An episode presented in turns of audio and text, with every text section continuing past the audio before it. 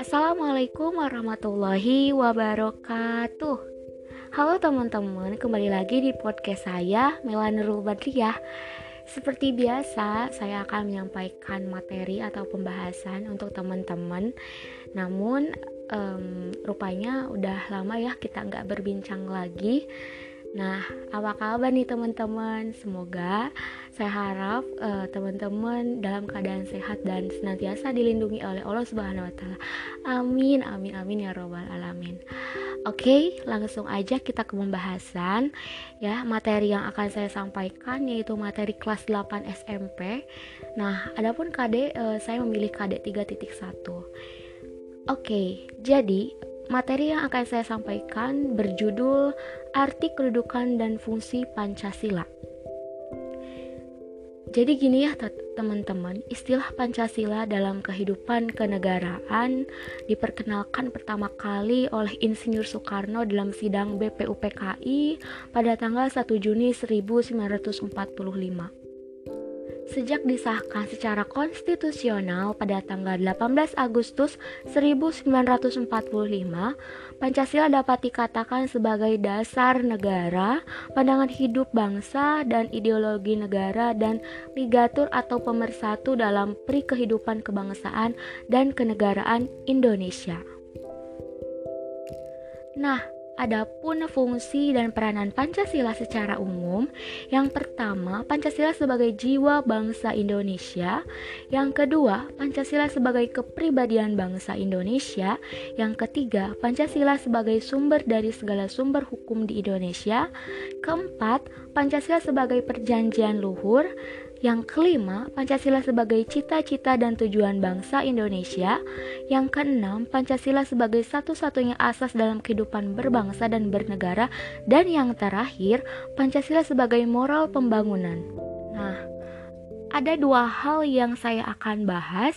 Yang pertama, Pancasila sebagai dasar negara. Rumusan Pancasila terdapat dalam alinea keempat pembukaan Undang-Undang Dasar Negara Republik Indonesia tahun 1945 secara yuridis konstitusional sah, berlaku dan mengikat seluruh lembaga negara, lembaga masyarakat dan setiap warga negara tanpa kecuali. Adapun fungsi dan peranan Pancasila menurut TAP MPR nomor 3, MPR tahun 2000 tentang sumber hukum nasional dan tata urutan perundangan dinyatakan bahwa Pancasila berfungsi sebagai dasar negara. Nah, hal ini mengandung maksud bahwa Pancasila digunakan sebagai dasar untuk mengatur penyelenggaraan ketatanegaraan negara yang meliputi bidang ideologi, politik, ekonomi, sosial, budaya, dan pertahanan keamanan. Kemudian, Pancasila sebagai pandangan hidup bangsa Indonesia. Pancasila eh, dalam hal ini dijadikan sebagai dasar dan motivasi dalam bersikap, bertingkah laku, dan perbuatan dalam hidup bermasyarakat, berbangsa, dan bernegara. Pancasila dijadikan dasar untuk mencapai tujuan negara sebagaimana yang tercantum tercantum dalam pembukaan Undang-Undang e, Dasar Negara Republik Indonesia tahun 1945.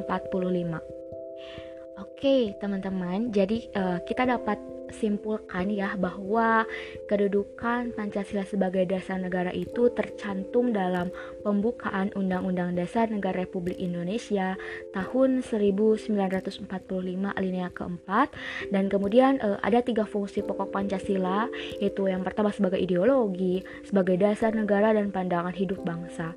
Nah, kemudian fungsi Pancasila sebagai negara dasar negara ini pada intinya adalah untuk mengatur penyelenggaraan ketatanegaraan negara baik itu dalam bidang ideologi, politik, ekonomi, sosial, budaya, dan pertahanan keamanan. Dan yang terakhir, fungsi Pancasila sebagai pandangan hidup bangsa ini adalah untuk da dijadikan uh, dasar dan motivasi dalam bersikap, bertingkah laku, dan perbuatan dalam hidup masyarakat, berbangsa, dan bernegara.